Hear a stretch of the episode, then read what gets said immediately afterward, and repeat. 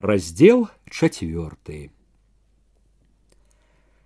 у гэты вечар ледзь не ў кожнай хаце гаварылі пра падзеі ў полі кожнаму ў куранях было ўжо вядома і што казаў яўхім і як махаў рэйкаю нібыта ігнат і што рабілі гайліс і міканор і як кінуўся на міканора васіль усё гэта выклікала самае рознае меркаванне Адны хвалілі Васіля і нібыта ігната за смеласць, другія судзілі як неразумных, таксама героі знайшліся. Гаварылі, што міканору цяпер трэба будзе сцерагчыся яўхіма, пільна паглядваць увечары.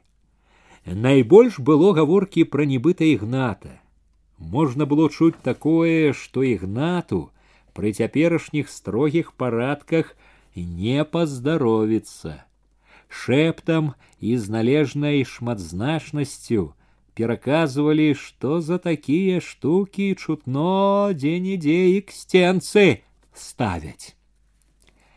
Вялікім і розным клопатам былі поўны хаты тых, хто трапіў у героі гэтых падзей.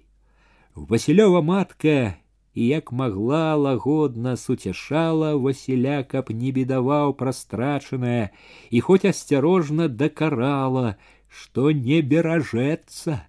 З бясконцай матчнай цярплівасцю вучыла свайго неслухмянага сына да меціха, папракала, што заядаецца са ўсімі, трывожна прарочыла, што гэта не давядзе да добра. У ігнатавай хаце было цёмна і маркотна уся вялікая сям'я, нібы асірацелая без бацькі сядзела за сталом нязвыкла маўкліва. Ціха разышліся ўсе пасля вячэры па палацях на прыпечак на печ. Нават меншыя не дурэлі, не чапаліся адно з адным. Набедаваўшыся за дзень ігнаціха таксама сабралася ўжо лажыцца, калі на ганку, пачуліся немагчыма знаёмыя крокі. Патрабавальна ляснула клямка. Хадоська што ляжала ўжо з малымі несамавіта крыкнула татко! Ускочыла як была ў адной сарочцы кінулася ў сенцы. Яшчэ да таго як увяла яна нявіднага бацьку хата напоўнілася радасным галасам скакали крычалі большие лямантавалі малыя жонка і хадоська з нядаўняй бяды з неспадзяванай радасці таксама загаласілі жагнаючыся бошкаючы дасціхнеце вы недовольны звыкла злосна зыкнуў раптам ігнат як па нябожчыку есці лепей дайце Ён скінуў світу і сеў да стола, спыніў хадоську, што хацела запаліць лучыну. Як-небудзь траплю ў рот і без святла. Нявідны моўчкі прагна жаваў, сёрбаў, не адказваў на нецярплівыя жончыны пытанні. Ужо калі леглі, неахвотна і панура, нібы паказваючы, што радавацца асабліва няма чаго, сказаў, што сядзеў увесь час у алешніках, што латыш гаварыў строга і гразіўся аддаць пад суд, але ўвечары адпусціў.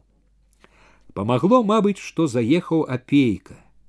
Адпускаючы, латыш наказваў, каб быў разумнейшы, каб гэта было апошні раз. Ледзь выведаўшы ўсё ігнаціха не ўтрывала, упікнула, я што казала, Але ігнат так зыкнуў, што яна адразу ўціхла. Услухоўваючыся ў яго неспакойнае дыханне старалася адгадаць адно, чаму ён па-ранейшаму такі невясёлы, пра што так цяжка думае. Злы прыйшло ў думкі, век злы, быў і будзе, успомніла з недарэчным гонарам і скрухай, а быў жа вясёлы, калі жаніўся, больш галасістага за яго і не было на ўсе курані. Самы галасісты быў хлопец, як скакаў, лепей за ўсіх у цэлых куранях. і кучаравы быў чупрына, як лаза густая, і поверыць не поверила б, каб не помнила. Облез саўсім, чэрап светится голы. Затяты быў з моладу, з зацятасці гэта і сох, облез. Затятасць гэта і зрабіла злым. Затятасць ды няшчасці.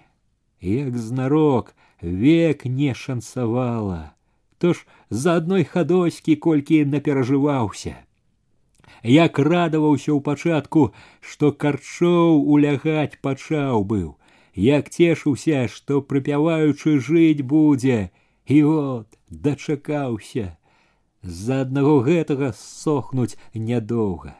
Цяпер от хоня не адыходзілі думкі ад хадоські. Хоня хлопец непаганы, Ён ігнат сам ведае, але ж бядняк, горкі бядняк, дыше з маткай калекаю. Хіба ж цяжка дагадацца, чаму ён ігнат так коса глядзіць на хоню, чуеш, што не соладка будзе дочцы. Як знарок не шансавала тое цігнаціха ўздыханне то пакралі сена, то жыта градам пабіла, то згарэлі, згалелі саўсім, як кара якая божая. Дзеці, век хворыя, век чэзлыя кожную вясну з галадухі скуголяць. То ж не было года, каб наеліся ў досыць. Адна надзея на гэту палоску была, узяў ігнаціху пякучы жаль, усё дабро лічы з яе адной, А цяпер, як цяпер будзе, подступіў страх. Калі не дай бог удзеляць пясок, з торбай вясной пайсці давядзецца. І што наогул будзе, о ты будь, добры, вясёлы, не злы будь. Ёй захацелася прытуліцца да яго, палашыць, суцешыць. Але яна не варухнулася, толькі паслухала, як ён дыхае, баялася сказаць слова, яшчэ можа разлуецца. Нявесела хліпаў прыкручаны кнот у лямпе, што вісела под глушаковай столлю. Нядаўна сышоў гость, лясун, які прамаўчаў увесь вечар. У хаце былі трое: старая, стары глушак і яўхім. Старая гарбацілася на ложку пры печы, успершыся локцем на стенку ложка, седзячы драмала, як кура, распораз локаць яе соскоўзваў са стенкі, галава падала на грудзі, яна прачыналася на хвіліну, ставіла локаць на стенку і драмала зноў, але лажыцца раней старога не наважвалася. Яўхім сядзеў на звыклым сваім месцы каля стала і акна, успёршыся, як звычайна плячом на вушак, курыў скручаную з газеты папяросу, Стары, што ўвесь дзень і ўвесь вечар не знаходзіў сабе месца, браўся за ўсё і кідаў са злосцю і роспачу, што кіпеў і пляваўся ўвесь час, пакуль нема тырчаў лясун, а раптам паскардзіўся квола.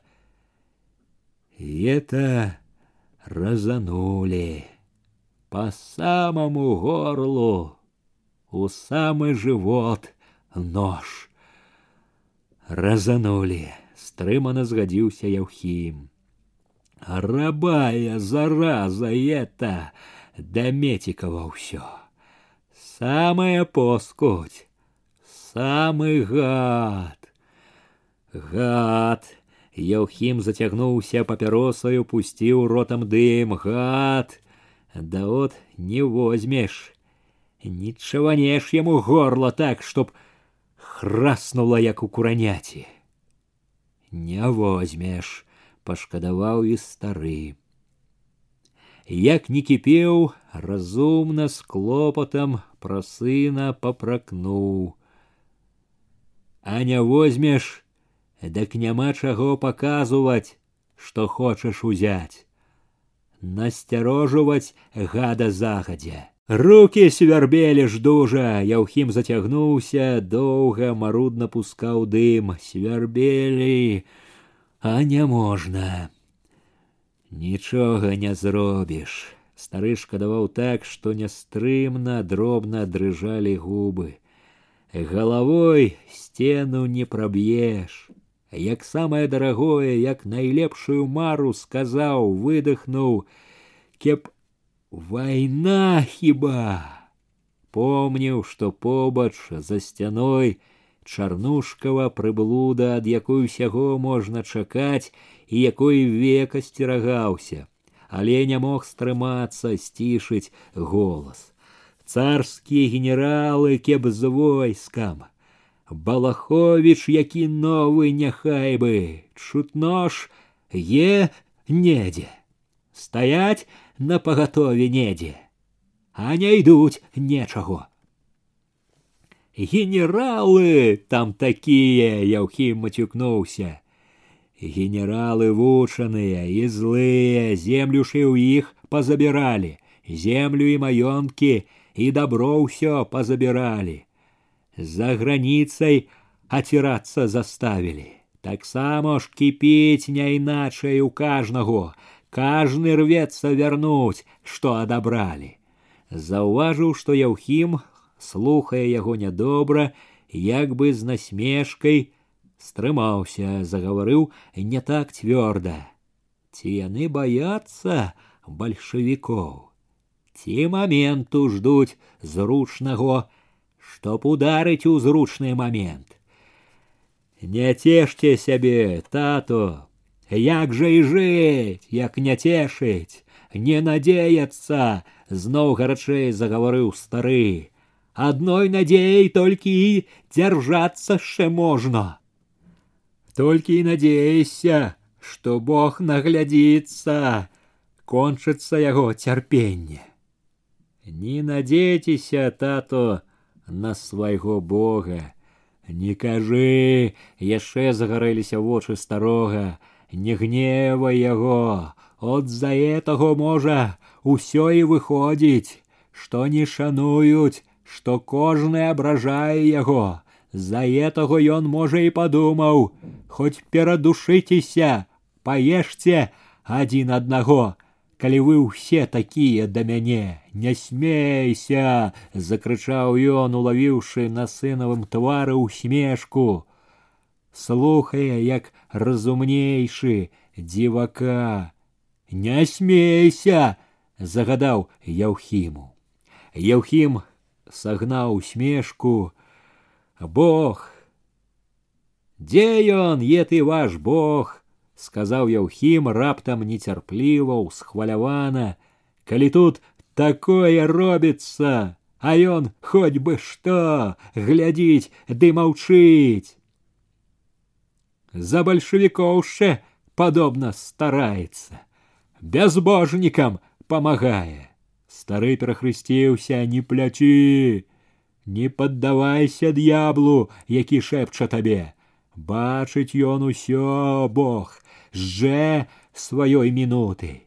І калі пабачыць, што момент скажа сваё, скажа, пабачыш, прыйдзе эта минута будзе эта пора перамерается ўсё нанова побачыш бог скажа сваё дак падажджэм прамовіў яўхім нібы спакойна зноў з той жа схаванай недаверлівай усмешкай сіла цяпер у іх не заўважыў усмешкі разгарачаны стары.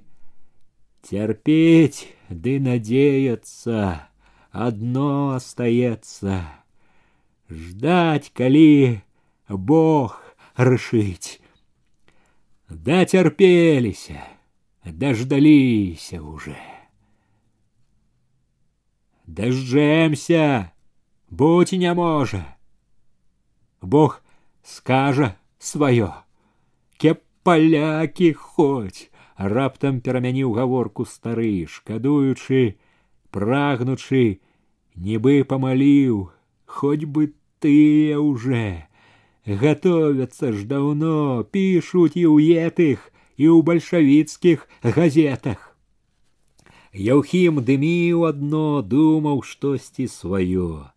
Нечакана для старога падумаў голас цвёрда, неадменна. Усё-таки я запорву недзе этого рабого. Воко да вока і пагавару воко да вока. Ён прамовіў пагавару так, што нават стары зірнуў трывожна і пільна. Яўхімавы вочы былі прыжмураны люта бязлітасна, як бы пакляўся, жыў не буду, пакуль не пагавару. Дазнаюцца зразу, сказаў мякка стары, шкадуючы.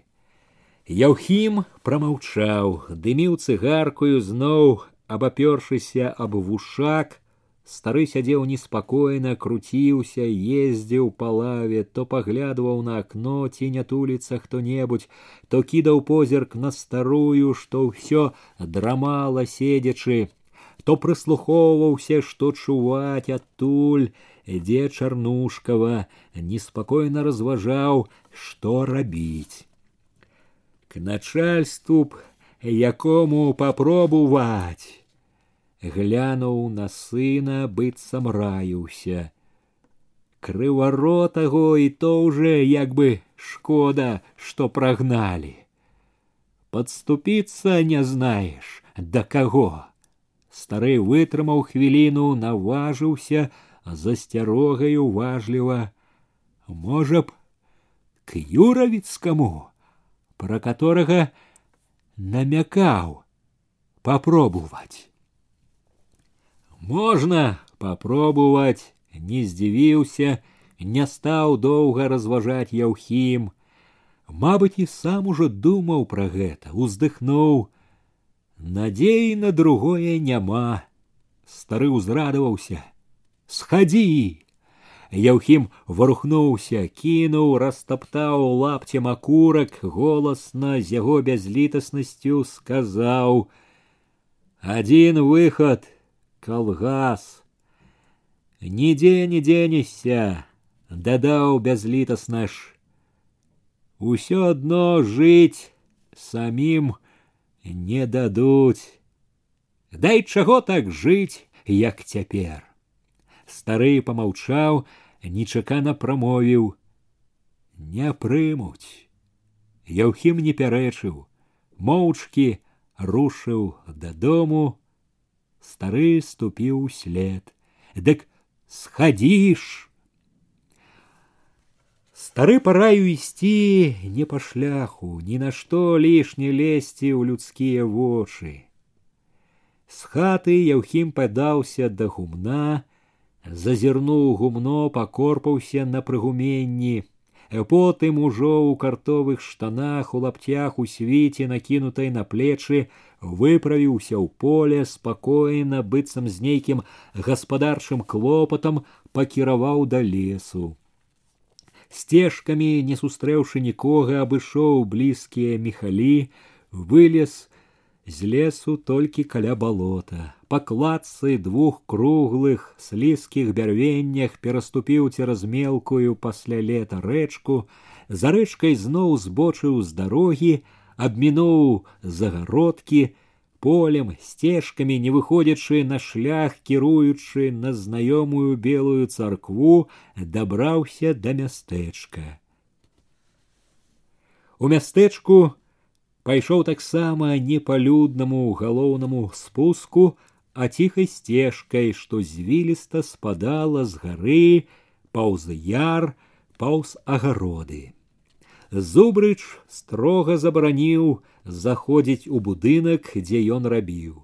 Ён забараніў і турбаваць сябе з інакшай, як пры крайняй патрэбе прычыны Не якім-небудзь намёкам, а простымі цвёрдымі словамі зубрыч паказаў, што Яўхімова справа ў цэлым чакаць, калі да яго прыйдуць. І толькі тады, калі сустрэча крайне патрэбна, неабходна, зубрыч дазволіў. Можна папрасіць яго сустрэцца, але не заходзячы для гэтага ні ў яго кабінет, ні на кватэру, а праз нейкага свайго пелюха, якога зубрач уладзіў рабіць на насенным складзе. Да хаты гэтага пелюха яўхім і кіраваў цяпер. Хата была акурат под гарою у ціхім парослым травою завулку, так што ідучы сюды яўхіму не трэба было вельмі асцерагацца напаткаць каго-небудзь з куранёўцаў ці алешнікаўцаў. Трэба было асцерагацца хіба цікаўных позіркаў з хат ды двароў, але мала хто і па якой патрэбе мог ісці завулкам, збочыць у хату. Яўхім з усімі не чуў якой-небудзь насцярожанасці. Як і тады, калі падыходзіў да мястэчка і калі спускаўся з гары і калі ішоў за вулкам, ён шоў сябе вельмі спакойна. Схільны хадзіць па свету ганарліва, не туляючыся, ахвочы нават да рызыкі, Ён лічыў, што ўся гэта зубрачаўская асцярожнасць ні да чаго, і калі трымаўся, яе правіл, то толькі таму, што на гэта быў цвёрды зубрычаў загад і таму, што злаваць зубрыча не было ніякай рацыі. Праўда, яго ні трохі не турбаваў клопат пра тое, каб не ўгнявіць зубрыча. Чым бліжэй падыходзіў яўхім да сустрэчы з зубрычам, тым менш тлела ў яўхіма спадзяванне і на самога зубрыча і на гэты паход, у які ён выправіўся найбольш таму, што прасіў бацька. Ва ўсім гэтым паходзе Яўхім убачыўся цяпер толькі той сэнс, што будзе ці не будзе якая-небудзь карысць, а паспрабаваць можна, каб не гадаць потым, і іншага выхаду ўсё роўна няма. У пелюхавай хаце былі толькі жонка з дзіцем на руках ды малая гадоў дзевяці. Малая чарнявая, падобная на бацьку адразу, як толькі ўвайшоў яўхім, падалася да маткі, таропіла з замачанай спадніцы і дзікаваты пільны позірк. Уважліва, не вельмі гасцінна глядзела і пілюхава жонка, невысокая, таўставатая, распатланая ў расшпіленай бруднай сарочцы. Можа быць, яе разлавала дзіця, якое яна трымала, яна і цяпер нервова хітала яго, але яўхіму здавалася нічога добрага не хацеў зычыць гэты позірк. Калі яўхім сказаў што яму трэба пагаварыць з чалавекам яна як бы злуючыся загадала малой пазваць бацьку. Без ветлівага слова павярнулася падалася важка ступаючы босымі нагамі хітаючы дзіця на тоўстых руках у суседнюю бакоўку не запрасіла нават сесці. Яўхіма гэта не трохі не збянтэжыла, ён спакойна агледзеўся, выбраў месца на лаўцы ля акна, сеў як у бацькавай палавіне. Пелюк прыйшоў скора, чорны, няголены, жвава ускочыў, гледзеўся, не пазнаючы. Відаць, чакаў кагосьці іншага, бо калі пазнаў яўхім заўважыў, юрлівыя з бляскам вочы расчаравана пахаладнелі. З расчараваннем на твар легла насцярожанасць, пільна коса павёў позіркам на жонку. Гэта было адзін міг, пілюх амаль адразу ж, адолеў разгубленасць, як перад найлепшым прыяцелем заюрліў перад яўхімам, выказваючы радасць, якая можа быць толькі ад госця, якога даўно і нецярпліва выглядвалі. Яўхім здзіўлены такім уменнем хлусіць, хоць як заўсёды чуў непрыхільнасць да такой хлусні, як мог падтрымліваў яе, здагадаўся, што жонка нічога не ведае, дзеля чаго ён прыбіўся і не павінна ведаць. Запінаючыся, выціскаў сябе выдумку, вінаваты, што не заходзіў доўга, але быў вельмі занятая работа насела не перарабіць от толькі цяпер вырваўся і то на хвіліну толькі калі жонка выйшла прынесці гуркоў на закуску да той пляшкі якую паставіў гаспадар на стол пілюх не крыўляючыся ўжо не тоючы неспакою запытаў яўхіма чаго яму трэба? Пасля гэтага з паўгадзіны яшчэ сядзелі за сталом пілі спачатку з гаспадыні якая ахвотна перакуліла чарку самагонкі ўжо больш зычлівая прысела з боку стола. Яна відаць сядзела б увесь час і выпіла б яшчэ не адну чарку калі б у баковачцы не захліпала настойліва патрабавальна дзіця жанчына зноў узлаваная важка патупала ў бакоўку мужчыны пілі і закусвалі адны пілі пакуль бутэлька не апусцела тады толькі пілюх ужо непрытворна вясёлы жвавы падаўся з хаты загадаўшы яўхіму сядзець чакаць прыйшоў ён не вельмі скора у пакоі была зноў жонка з дзіцем на руках ён зноў з прытворнай весялосцю загаварыў пра тое што на складзе спакойна была адна подвода дык ён адпусціў яе і вярнуўся жонка мабыць адчула што ён нешта тоіць бо прыглядвалася і ўслухоўвалася вельмі ж уважліва і недаверліва толькі выйшаўшы правесці ўжо ў завулку ля плота пелюх перадаў што зубрыч вялеў чакаць яго пры дарозе якая вядзе ў крыты у лесе праз кіламетры два ад мястэчка праз гадзіну дарога была ціхая без людзей насустрач ішлі толькі спачатку бярэзнік а пазней сасоннік там і тут перамешаны з бярозамі ужо калі яўхім падыходзіў туды дзе па яго адліку трэба было чакаць учуў ён наперадзе рыпенне калёс што ехалі з боку крытаў сышоў з дарогі схаваўся ў зарасніку на колесах ехали двое дядьков один правіў а другі седзячы драмаў той што правіў быў у свіце ў старой шапцы з рудой барадою вясковы дядька а другі малады у паліто з настаўленым каўняром збоку відно было гарадскі госць які-небудзь упаўнаважаны зубрача давялося чакаць доўга Пачуўшы лёгкі бег калёс яўхім не выйшаў на дарогу глядзеў за дрэва праз гушчэчу зарасніку. Думаў выйсці тады калі ўпэўніцца што гэта іменна зубрыч ехаў такі адразу пазнаў зубрыч на лёгкім з рысорамі васку. У палатняным плашчы з капюшонам у выгаралай з памятым казырком шапцы сядзеў так што можна было падумаць нудзіцца дарогаю дрэмле але яўхім зводдалек улавіў заклапочаны позірк яго ўперад яўхім спакойна адхінаючы галлё выйшаў на дарогу зубрыч спакойна ж павольна пад'ехаў з-пад лба прастрэліў дарогу наперадзе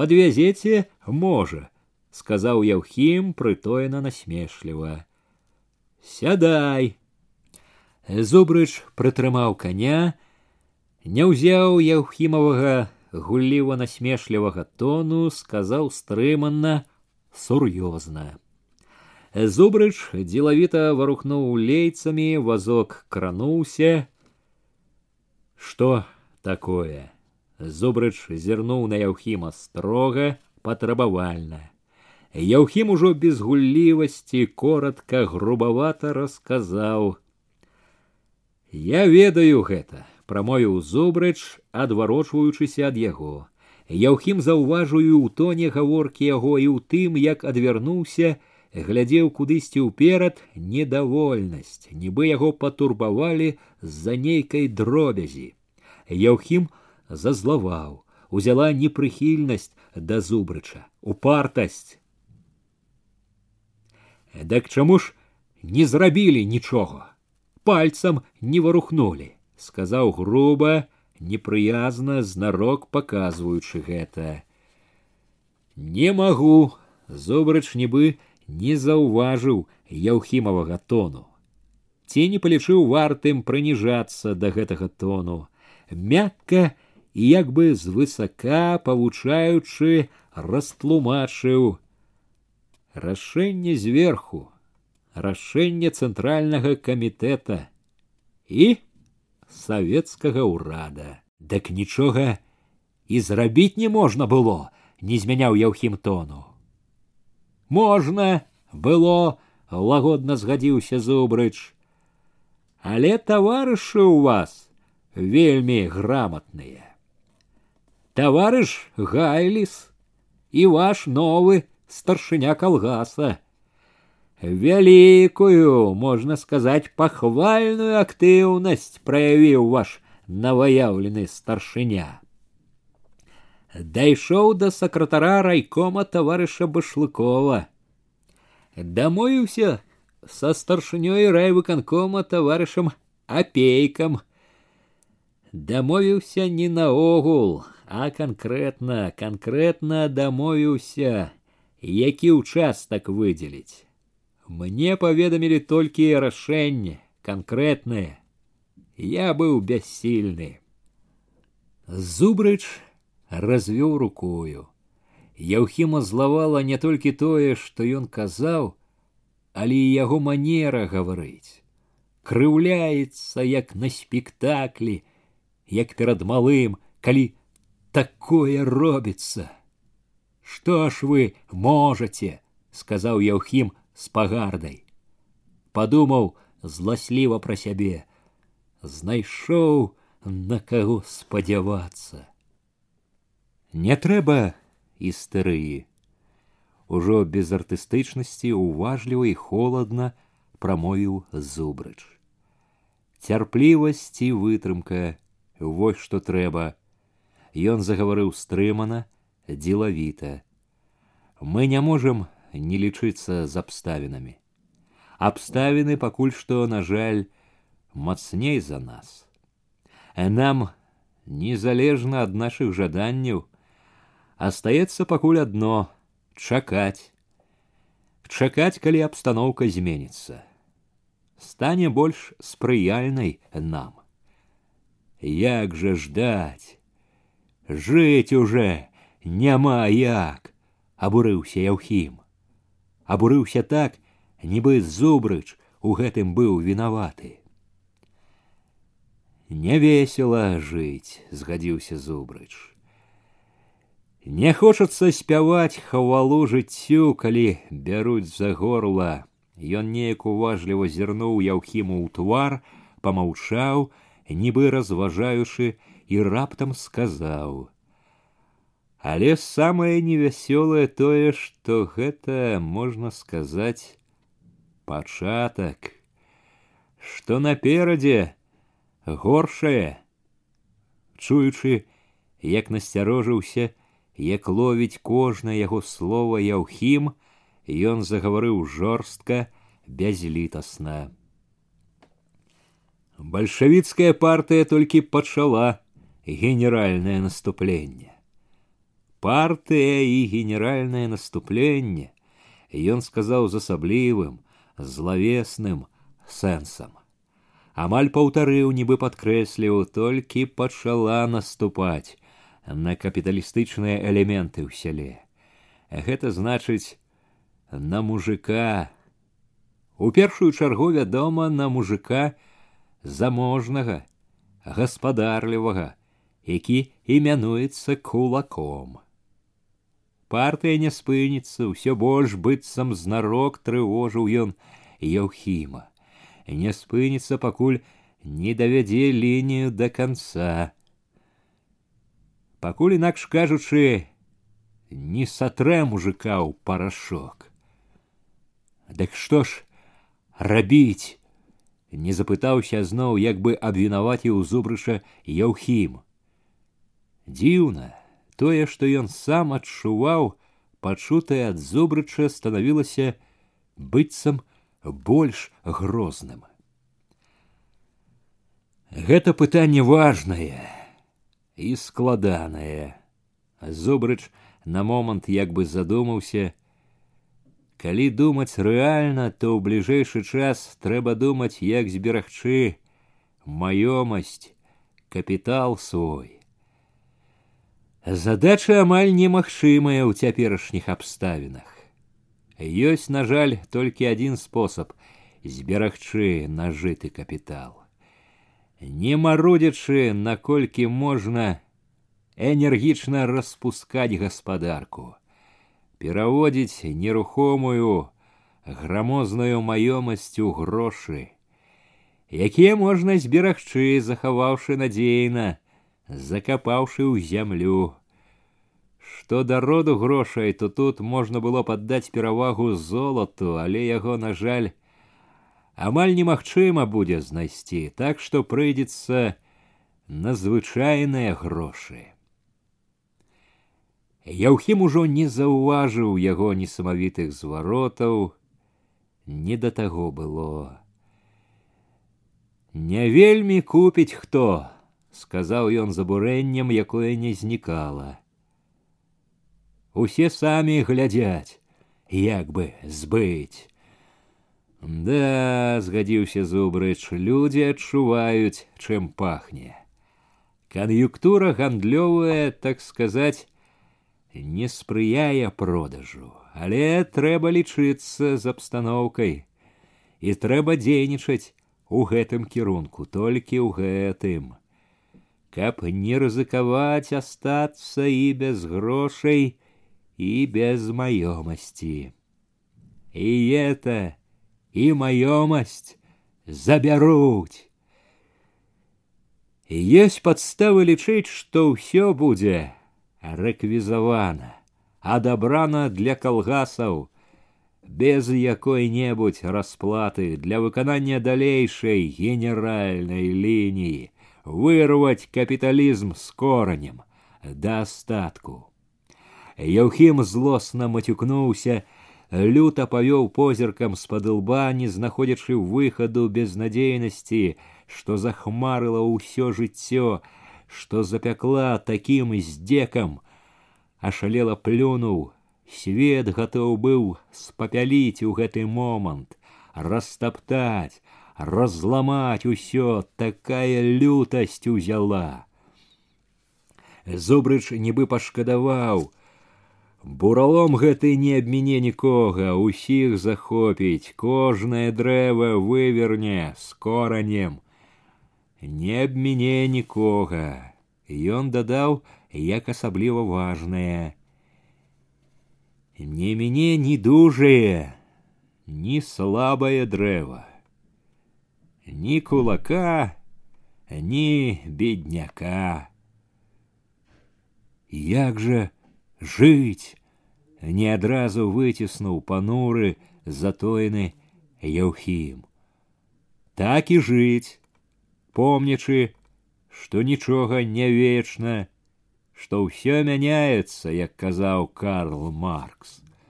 Сёння яны, заўтра, Зубрыч сказаў значна: заўтра мы загарэўся, загаварыў з верай, з захапленнем.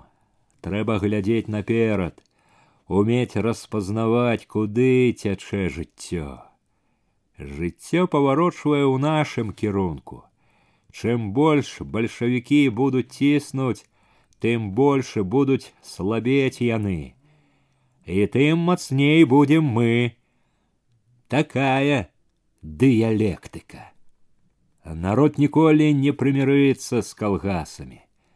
З гэтым здзекам з мужика, з усёй яго прыроды, хто не прымірыцца хто дак як на рай які надзеецца перабіў яго яўхім іх мала не трэба ашуквацца маса сялян супраць калгасаў супраць не адзінкі не сотні маса маса это такая маса скрывіўся яўхім як ад дзіцячай выдумкі што толькі сядзіць ды жжэ як яно будзе ціскануць заўтра бальшавікі дакі палезе ўся і служыць будзе ты памыляешся ты не ўмееш ацэньваць абстаноўку рух гісторыі Усё гэта не так проста, як ты думаеш. Напаў на яго зубрыч, але яўхім злосна перабіў. Да што тут? Проста, няпроста. А тут уже самога думка бярэ, чтоб у калгас. Усё адно жыць няма як. Не трэба падаць духам. Зубрыч пакруціў галавою. Трэба ж, такое малаверство з бадзёрай мудрай усмешачкай павялеў вытрымка і вера не трэба да часу вешаць галаву друг прыйдзе наша пора вернецца ўсё яшчэ нямала ў прыдачу возьмеш калі толькі заслужыш вядома дадаў зубрыч зусім весела Яўхім не адказаў на яго весялосць. Хмурна глядзеў уніз на дарогу гарбата ківаўся, быццам не чуў зубрыча. Зубрыча гэта не збянтэжыла. Мы сваё зробім, сказаў ён, зрабіўшы націск на мы і надаўшы гэтаму мы загадкавую значнасць. Але поспех нашай работы будзе залежаць ад цябе, ад многіх іншых нашых паплечнікаў сярод народу. Трэба працаваць з намі, трэба паказваць, якую бяду нясуць бальшавікі. Аднаму другому скажы і пойдзе па сялу. Пускаць шуткі, даваць парады, што рабіць з гаспадаркаю, напрыклад, уздымаць паніку, нездавальненне, подбирать недовольных, злучаць іх у групкі, каб у належны момант было абаперціся на каго, узняць іх і павесці з сабой у належны момант. Зубрыч яшчэ гаварыў дзелавіта, важна, тлумачыў, але Яўхім амаль не слухаў яго. Яўхім разумеў большее, чым зубрыч гаварыў ён разумеў што нічога добрага не будзе што спадзявацца няма на каго калі выехалі на разгалку дарог ён перабіў зубрычава настаўленне я тут пойду яўхім саскочыў з васка зубрыч прыпыніў коня глянуў бадзёра наказаў цярплівасць вытрымка і вера, вера Яўхім. Яўхім хмурна адвёў вочы, не глядзеў, як схаваўся лёгкі вазок. Адразу як вазок крануўся, Яўхім стоена павольна пасунуўся сваёй дарогай. Ужо адышоўшы далёка стаў, сярдзіта плюнуў, абяцаў яшчэ абшары зямлі, чарвяк. Зубрыч быў недовольны і яўхімам і сабою. Недовольнасць сабою была зноў жа звязана з яўхімам. Не здолеў пераканаць бязграмотнага недалёкага мужика. Зубрыч тут жа цвяроза сам сабе запярэчыў, чаму недалёкага. Бязграмотнага гэта правільна, але недалёкім называць яго нельга гэты няўклюдны просталінейны звер калі не даходзіць да чагосьці галавою то добра чуе з дагадкаю інтуіцыяй мужыцкім звярыным нюхам нюх як вядома заалогіі ў ніжэйшых развіты не горш чым у высокаарганізаваных нават лепей Пад шорхат кола ў пясчаных каляінах ціха пакалыхваючыся разам з васком зубрыч думаў. Пасля нядаўняй узбуджанасці, пасля нядобрага развітання на душы было неспакойна. Думкі лезлі, чапляліся адна за адну, вярэдзілі. Ды ён і не гнаў іх. Ад нядаўняй сустрэчы асталося і жаданне паразважаць, абдумаць бачанае, чутае, адказаць неяк на пачуцці, што ўзніклі пры спатканні. Ён пацягнуў за лейцы, прытрымаў каня, каб лепш было думаць. Быць недовольным яму, думаў ён пра Яўхіма, ёсць усе падставы. Калі бяруць за горла, мала хто ўмее быць радасны. І ці ненатуральна, што асаблівая злосць на таго, хто мог бы памагчы, нават павінен памагчы, а не памагае. І не абяцае памагчы. Адкрыта, можна сказаць, цынічна прызнаецца ў сваёй бяссільнасці. Э, так што рэакцыю, калі глядзець цвяроза нельга не прызнаць зусім здаровай. І зусім натуральна, што гэтае нікчэмнае тлумачэнне, такая сітуацыя не мог, не задаволіла. Слабасці няма апраўдання, слабасць заўсёды вінаватая, таму што яна не можа нічога. І ўсё ж разважліва падтрымаў сябе зубрыч, Ён не схібіў, што цалкам адкрыў карты. Падабаецца ці не падабаецца, пілюлю трэба было даць, хоць яна і горкая. У гэтым была неабходнасць. Прызнацца адкрыта трэба было хоць бы для таго, каб не ўзнікла падазрэння, што не памаглі проста таму, што не хацелі ці не вельмі хацелі. Тут крытычныя развагі яго ад прыватнага выпадку перайшлі да разваг шырокіх абстановішча яго ў цэлым.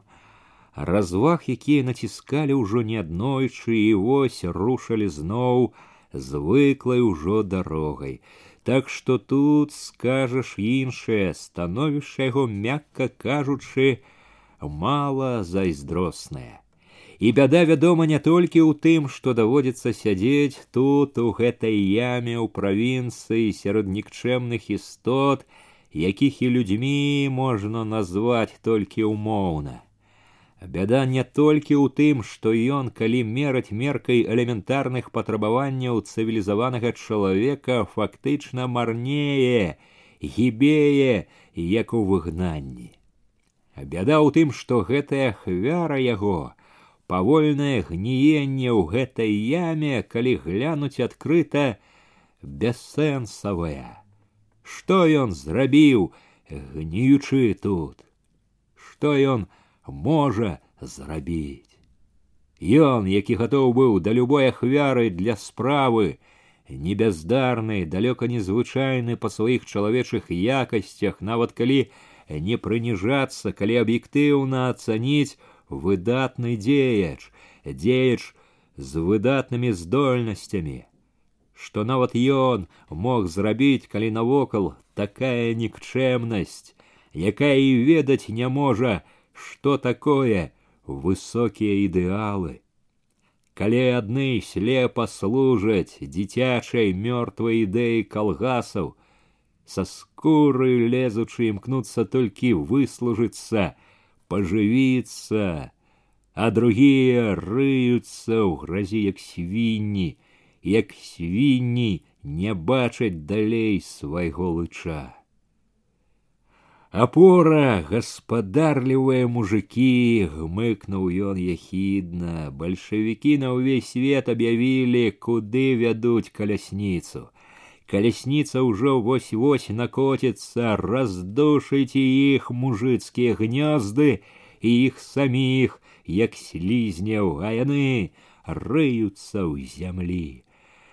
Бачыць не хочуць далей лыча. А можа, не раздушыць, можа яна не важкая, не жалезная, можа, мяне калі не ўсіх мяне аднаго кагосьці ж мінуць павінна слепота ідыёцкая жывёльная слепота якая раней губіла ўсё і цяпер губіць і будзе губіць з якой немагчыма змагацца да чаго ж моцны гэты жывёльны інстынкт самазберажэння вось і гэты што пайшоў недовольны патрабуе судзіць непахісна нават з пагардай а сам сядзіць у балотным зацішку за балотамі за лясамі і аб адным толькі думае каб перабыць каб навала прайшла паўз яго у калгас ужо гатоў каб як уцалець і гэта той які здаваўся такім баявітым на якога здавалася можна было надзейна спадзявацца не не цвяроза стрымаў ён сябе гэты баявіты трэба быць справядлівым каб такіх была сотня Можна было б упэўнена адчуваць сябе пры належнай сітуацыі, можна было б адчуваць камандзірам становішча. Але такіх адзінкі, колькі ён сабраў за цэлыя гады такіх, на якіх ён можа ў належнай сітуацыі надзейна спадзявацца. Нават з той невялічкай кучкі нейкіх паўтара десятка, якія больш прывязаны ён не можа быць цалкам упэўнены што той ці другі не зашыецца ў кусты не здрадзіць пры першых жа стрэлах у адказ пры першай небяспецы але калі дапусціць што ўсе з гэтай жменькі не падвядуць што яны зробяць пры ўсёй іх адвазе сярод нікчэмнай труслівай чарады паўчалавекаў паўмалп што яны зробяць што зробіць у такой сітуацыі ён з усімі яго здольнасцямі і энергіяй калі насупраць коціць цэлы ледніковы вал калі насупраць і бальшавіцкія абяцанні даверлівым і пагрозы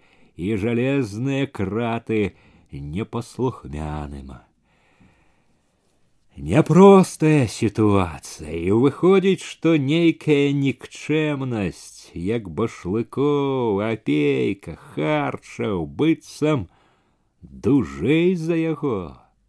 І ён павінен хіліцца перад імі, поўзаць як шаня перад імі, лісліва круціць хвастом, сведчыць сваю любоў адданасць ім бальшавіцкай справе поўзаць і што хвіліны аглядвацца як бы не заўважылі што ён час ад часу выпускае зубы точыць іх трывожыцца як бы раптам не вылезла наверх старанна зацертае калісьці засыпанае пылам гадоў Ён гэта прызнаў бы всякі аб'ектыўны назіральнік, мае такія сякія поспехі ў майстэрстве маскіроўкі, потым у лепшую пару у якім-небудзь міністэрскім кабінеце можна будзе пасміхваючыся расказваць, як ён убіўся ў давер'е нават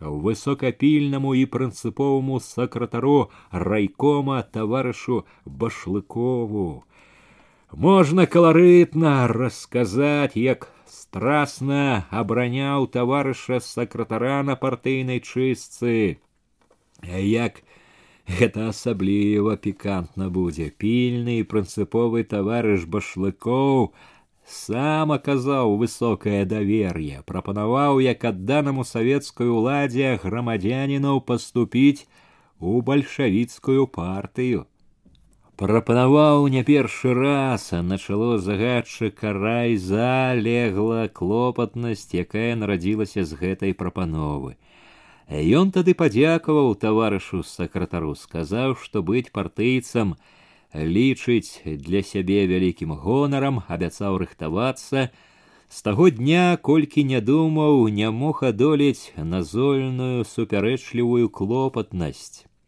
І цяпер яна звыкла, нібы здзекліва апанавала і хацелася не страціць такую удачу, а такую важную удачу, якая просто сама ішла ў руки і разам хапала, цвяроза цягнула назад апаска. Нагадвала, што ўлезці ў партыю гэта не толькі ўшыцца ў кіруючую эліту, прыдбаць сабе новыя магчымасці, але і пайсці самому на новыя чысткі, праверкі. Гэтае апошняе проста сказаць непатрэбная раскоша для чалавека з яго радаслоўнай з прыхаванымі эсэраўскімі грахамі, якіх было даволі, каб у горшым варыянце зменлівай жыццёвай лініі стаць да сценкі перад бальшавіцкімі вінтоўкамі.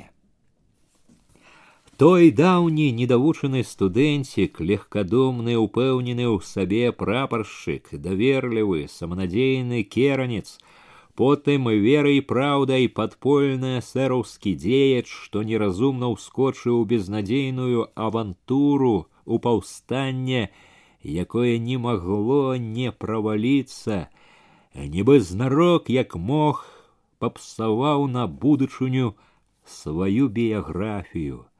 Добра, што хапіла яшчэ розуму ўлезці ў паўстанне з чужымі дакументамі, з чужым прозвішчам. Гэта шчасце, што пра бурную маладосць у цёплым стэпавым гарадку, адкуль выпраўляўся ў дарогу і куды пасылалі запытанні, правяраючы, як савслужачага нічога не ведалі пра найбольш цікавыя старонкі яго біяграфіі. Адтуль абмяжоўваліся весткамі пра род, пра бацькоў, род, вядома, не з тых, якімі ганарацца цяпер, але і не з тых, якія закрываюць дарогі ў свет.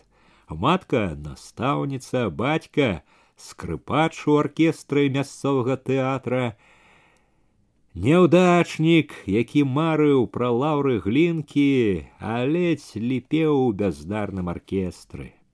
Э, самае небяспечнае вядома тое, што няўдаламу эсэрыку захацелася потым расшукаць сваіх. Порсткаму поўнаму жыццёвых сіл і прагі дзейнасці не сядзелася ў ратоўнай, але нуднай цішы. Сябры памаглі, перацягнулі з адной ямы ў другую, толькі што з пасадай, толькі што ў людным, беларускім краі сяброў гэтых якія ведаюць усё небагата адзінкі але ж яны ўсё-ткі ёсць двое нават ужо ў пакойчыках вокны якіх аздабляюць жалезныя краты і без таго ходзіш па жыццю як той цыркач па дроце так і глядзі што сарвешся паляціш цемем уніз разважная цвярозасць раіць сядзі лепей і не рыпайся а спакуса вярэдзіць не пропускай не траць такой удачы мала іншага клопату дык яшчэ думай ісці ці не ісці ў партыю думай як быць з давер'ем пільнага прынцыповага таварыша башлыкова Дасціпная іронія прабегла, як павеў ветрыка. Пахалыхаючыся у васку, не заўважаючы, што лес ужо адступае і пачынаецца шэрае ветранае поле, клопатна зласліва думаў: Не весела жыць так, ходзячы як цыркач па дроце, ды яшчэ пад пільнымі позіркамі, кожны з якіх можа заўважыць тое, што загубіць, хадзіць побач з гэтай лысай гіенай апейкам, які, здаецца, любы момант гатовы ўткнуць смяротныя кіптюры. Такі акуратны, старанны перад гэтай гіенай, а ён хоць бы зірнуў калі-небудзь прыхільна. Увесь час такое адчуванне як бы падазрае ў нечым ці нават ведае глупства бясспрэчна не ведае нічога каб ведаў не маўчаў бы а ўсё-ткі бярэ неспакойнае а што калі ведае ды сцеражэ каб заспець на месцы прыперці да сценкі зубрыч разважна супакоіў сябе але спакою поўнага не было як мог прыйсці спакой калі пры тым што гіена гэтая пакуль не ведае нічога разумееш і ніяк не адкінеш гіена гэтая самая небяспечная любы момант можа ўсадзіць кіпцюры ад гэтай нянавісці так цешыць зубрычава сэрца помслівая радасць. Дасталося аднойчы і гадзіўцы гэтай. Моцна ўпіліся ў таварыша старшыню райвыканкома.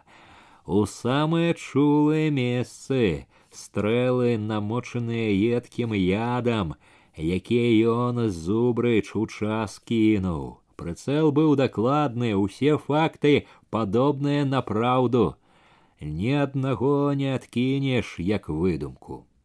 Запісачкі сталі матэрыяламі, аўтарытэтнымі партыйнымі дакументамі, атрымалі ўжо належную ацэнку і, можа быць, і яшчэ паслужаць. А мы можам і дадаць да іх. Вось гэта надзейна, разважліва выводзіць загадчык райза ціха пакалыхваючыся ў васку, што паволі паўзе дарогай праз поле. Тут і рызыкі ніякай і амаль поўная гарантыя, што будзе карысць. І псіхалагічна і палітычна, бездакорны сродак у цяперашняй сітуацыі а ён давядзе пачатае да канца. Ён убачыць таварыша апейку не такім ганарлівым, абшчыпаным, кінутым з пагардай усімі, растаптаным. Ён не пашкадуе для гэтага ні часу, ні таленту. Ён зробіць гэта з радасцю, акрамя ўсяго іншага, ён помніць, што ад гэтага багата ў чым, залежыць бяспека яго самога. Падумаць толькі, у якім гадзючым гняздзе круціцца ён цэлыя гады, і ў які час штодня сустракаецца, здароўваецца з харчавым, гэтай грубай жывёлай, якую рэвалюцыя ўзняла на раённую вышыню гэтай гадзюкай, якая больш небяспечна не толькі за башлыкова, а і за апейку, бязграмотная, тупая жывёліна гэтая, адным позіркам прымушае халаднець. Варта яму толькі аднаго факта, і можна развітвацца з жыццём. Ад гэтага літасці не будзе. І ў такім гадзючніку ён ходзіць, есть, спіць, жартуе нават.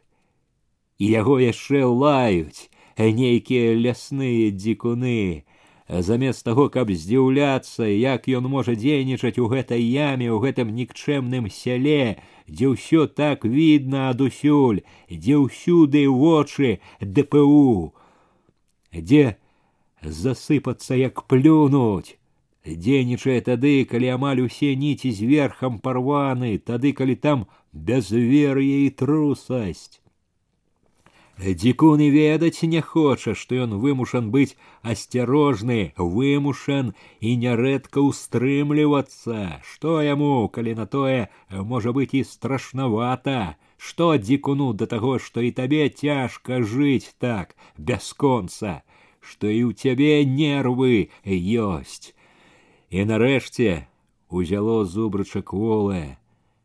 Гады ўжо не тыя. Як не старайся не паддавацца гадамі скрусе, няма ўжо той прапаршыцкай лёгкасці. воленс, ноленс, старею, мінорна філасофскі адзначыў ён. За хвілінай расшуленасці думкамі завалодала энергічнае, деловое. Трэба перабірацца ў большее месца, у гомель, ці хоць бы ў мозер. Не сядзець жа тут, пакуль не ўскочыш у харчаўскую пастку. У горадзе ў натоўпе, дзе снуюць тысячы самых розных і гарадскіх і прыезжых, ты будзеш як іголка ў стозе сена. Не будзе таго нагляду, той рызыкі і скаванасці, разгарнуцца можна будзе. Ды і ўздыхнуць лягчэй, вальней, параб, колькі гадоў ужо толькі ў ямах. Зноў узяло мінорнае. Ідуць год за годам, а ён усё ў ямах, усё хібее. І ўсё без прыкметнай прасветлены, тое лепшае, якога даўно чакае, усё не ідзе, а час ідзе, годы ідуць, ідуць і бураць усе надзеі, нішчаць жыццё. Толькі ўцехі, што вып'еш, задурманіш галаву, забудешь усё одна радость жить без гарэлкі няможна ўжо без гарэлкі дзень як пакута добра што атруты гэтай самагонкі ў кожным сяле і даюць ахвотна але так і з закончаным алкаголікам стаць нядоўга спіцца на нішто а ці не можна сказаць, што ён ужо і співаецца. Не бачыў, як зняў шапку, схіліў галаву, здаровуючыся дзядзька, што ішоў сцежкаю паўз дарогу. У думкі звыклае ўжо, але крыўднае, як бязлітасны суддзя, як кат увайшло, не на тую стаўку паставіў порсткі непрадбачлівы прапаршчык, не на таго коня сеў. Хоць бы мог сесці на таго быў выбар у сваю пару. І мець уже высока, а ні з кемеў не хапіла ў галаве. Не на таго сеў і вось туляецца па ямах рыцца ў гразі ды яшчэ азіраецца рызыкуе хоць мог бы хадзіць у сталіцах красавацца ў вялікіх кабінетах на віднейшых трыбунах і кожнае яго слова лавілі б і кожнае выступленне адзначалі б у газетах выдрукоўвалі Дзіру такую раённую наведваў бы раз у год, як бы рабіў гераічнае падарожжа. Сталічная кватэра з усімі выгодамі, імклівая машына, паслужлівая сакратарка, як многа значыць сесці на таго коня. Нічога, запярэчыла ў партыя самалюбства яшчэ не ўсё кончылася. Невядома яшчэ той гэта ці не той конь, яго конь можа яшчэ чакае, калі падыдзе пара. Падыдзе пара конь выскачыць, толькі глядзі спрытна сядь на яго. Мацней толькі трымайся за грыву, узнясе на такую гару, якая толькі сніцца можа няпэўны вобраз мары адразу ж заспяшаліся падмацаваць доказы. Мужыкі гудуць, штодзень гудуць больш, крыўда і злосць збіраюцца, кіпяць усё больш нецярпліва, збяруцца выбухнуць з такой сілай, што на ўвесь свет загрыміць. Толькі каменне астанецца ад усяго, што будуюць цяпер. Няхай толькі давядуць да краю лютасці звера, і там за дзяржаўнай граніцай збіраецца няхай толькі здарыцца сітуацыя. Сітуацыя, якая можа быць ужо вельмі блізкая, цярплівасць, вытрымка і вера, нагадаў сам сабе зубрыч, адагнаў націск думак. Ён ужо ўязджаў вуліцу сяла, трэба было станавіцца загадчыкам райза упаўнаважаным па калгаснай справе. Каля самай цагельні міканор не ўтрываў, сышоў з дарогі, пайшоў полем. Пожня была брудна шэрая і мокрая ў разорах і ямках, на картаплянішчы там і тут цьмяна льснілася вода. Дзе-нідзе боты паслізгвалі на цвердаватай ужо і абмоклай зямлі, Ім жыла холодная осенней імжою, ветер нібы мазаў па твары і руках мокрай анучай. Стылы, у нізкай навісі цьмяных хмар дзень нібы створаны быў для суму, для санлівасці, для марудных і невясёлых думак. Але міканору не было ні сумна, ні санліва, Усяго яго поўніла нецярплівая прагная да дзейнасці радасць. Толькі сёння нарэшце дакончыла вялікую працу сваю камісія. Толькі от правёў ён каморніка, што ехаў назад з усім сваім інструментам да грэблі, э, толькі от цяпер мог ён міканор, развітаўшыся з каморнікам, астаўшыся адзін, сам насам пайсці на поле, сам насам пабыць з полем з вялікай радасцю, у якую і верылася, і нібы ад непрывыкласці не верылася. От і цяпер, калі ўжо ўсё скончылася, калі ішоў сваім калгасным полем, не мог звыкнуцца з думкаю, што гэта ўсё ўжо не ў марах, а па праўдзе, не чыё-небудзь, а калгаснае поле узношаных разбітых ботах у мокрай падзёўцы нязграбны з пласкаватым пакляваным тварам на якім у белых брывах на шчэцці барады трымаліся кропелькі вады глядзеў ён на поле абводзіў яго позіркам і цешыўся недарэмна хадзіў дабіваўся і ў сельсавеце і ў раёне дабіўся Думка пра гэта ўлівала ў яго радасць, гонар за перамогу сваю за сябе. На вочы трапілася былая Васілёва палоска. Згадаў, як ці вельмі даўно сутыкнуўся тут з дятлам Васілём. Як той, калі папярэдзіў яго, што зямля адыдзе пад калгас, нахабна гаварыў з ім са старшынёй калгаса, як здзекліва проста адштурхнуў, пайшоў араць далей. Варухнулася злое. Яшчэ і тады, калі ўжо камісія ўзялася ўпарадкоўваць, хацеў павярнуць па-свойму. Гразіўся, што скардзіцца пойдзе.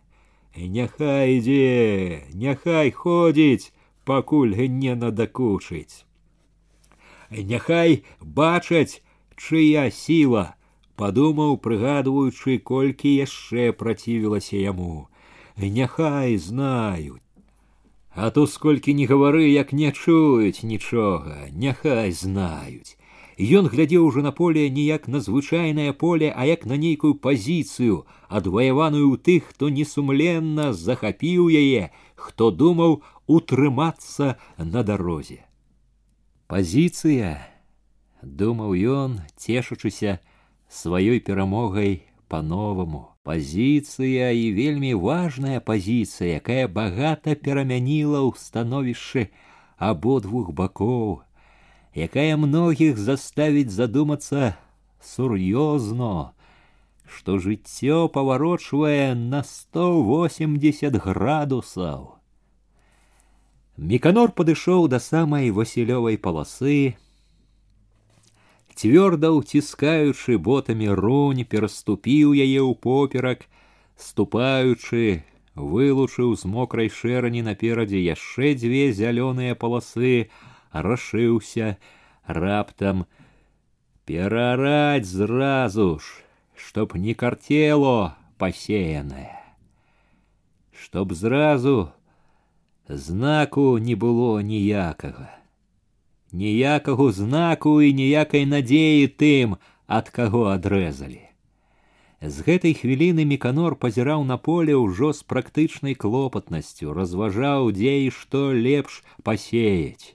Там клін жытні, а тут паўз дарогу ячмень, а туды к балоту картоплю.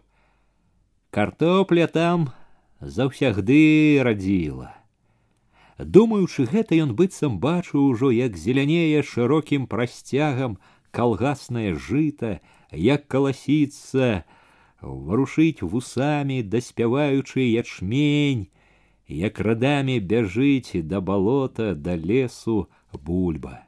Ішоў, мяў разношанымі стоптанымі ботамі мокрую чэзлую пожню, ішоў шырокім крокам цвёрда гаспадаром. Пераможна глядзеў, на саламяныя стрэхі, што выходзілі насустрач. У той дзень Васіль дапаў да Юравіч. Да апошняга дня, хоць і няпэўна, Васіль спадзяваўся, што можа пераменіцца яшчэ што-небудзь. Вельмі ж цяжка, амаль Немагчыма было згадзіцца, прымірыцца думкамі, што зямлі адзінай добрай зямлі няма ўжо і не будзе. З нецярплівасцю чакаў разам, якую ж, калі на тое удзеляць замену, без зямлі казалі ж пакінуць не павінны. Дачакаўся з добрай ласкі суседа Міканора, удзялілі такую, што і глядзець не хацелася, ледзь не адзін пясочак. Бядуючы, грозячыся, што так не папусціцца, што таксама ведае законы, Васіль кідаўся думкамі. Што рабіць, куды падацца, каб заступіліся, памаглі, Добра вядома было, што ў сельсавет няма чаго і сунуцца, там гайліс ды меканор уся ўлада. Думкі разважныя абнадзейліва вялі ў раён да самога апейкі, які, чым больш разважаў Васіль, бачыўся яму адзінай жаданай надзеяй. Калі хмурным, дажджыстым ранкам у свіце ў лаптях унураны невідучы імкліва рушыў слізкаю грэбляю пустым ветраным шляхам Васіль, перабіраючы ў думках крыўды, якія прыбівала да яго двара няскладнае жыццё, якія рабіў яму міканор, не чуў роспачы. Думкі гэтыя палілі менш, як апошнімі начамі і днямі, ён думаў пра крыўды з адчуваннем дужасці, з настроем дзейным, гатоўнасцю адолець, змагчы ўсё. У ім было такое адчуванне быццам крыўды гэтыя не такія непадатныя, нявечныя. Ён рушыў цвёрда і ўпэўнена. Смелую была не толькі хада яго, смелымі былі яго думкі. Ён яшчэ дарогаю рэзаў разважна і гнеў на апейку. Так ето будь павінно, па-савецкаму ето закону. Захоплены сілаю гэтых слоў ён загадзя, нецярпліва радуючыся, бачыў, як апейка ціха згодна казаў: не по закону, не павінна так быць. Зрэдку праўда брала і ў гэтай дарозе Васіля апаска, што апейка можа стаць на бок міканора і гайліса, але Васіль сам гнаў гэтыя маладушныя думкі. Не хацелася, каб яны і чапляліся. Хутка цвёрда кіраваў ён шляхам, але калі падышоў да аблезлай цэркаўкі, калі стаў спускацца з гары, калі падступіў да колішняй воласці выканкома, у якім блізка, блізка ўжо чакала сустрэча з апейкам, ад якой залежала цяпер жыццё, Васіля панавала паганая кволасць. У грудях пачуў брыдкі трывожны халадок, сама сабой, хоць ішоў з гары, пачала цяжэць, прыцішвацца хада. Перад будынкам воласці і зусім захацелася стаць, сесці, не было ўжо ні дужасці нядаўняй, ні ясных і такіх пераканаўчых думак, галава нібы не хацела думаць. Ён заўсёднаю партасцю перамог сваю нясмеласць, пачужэлымі нагамі ўвайшоў у будынак, пачаў падымацца па гулкай лесвіцы на другі паверх, дзе ведаў быў апейкаў кабінет. Каб трапіць у апейкаў кабінет, трэба было ўвайсці ў маленькі пакойчык.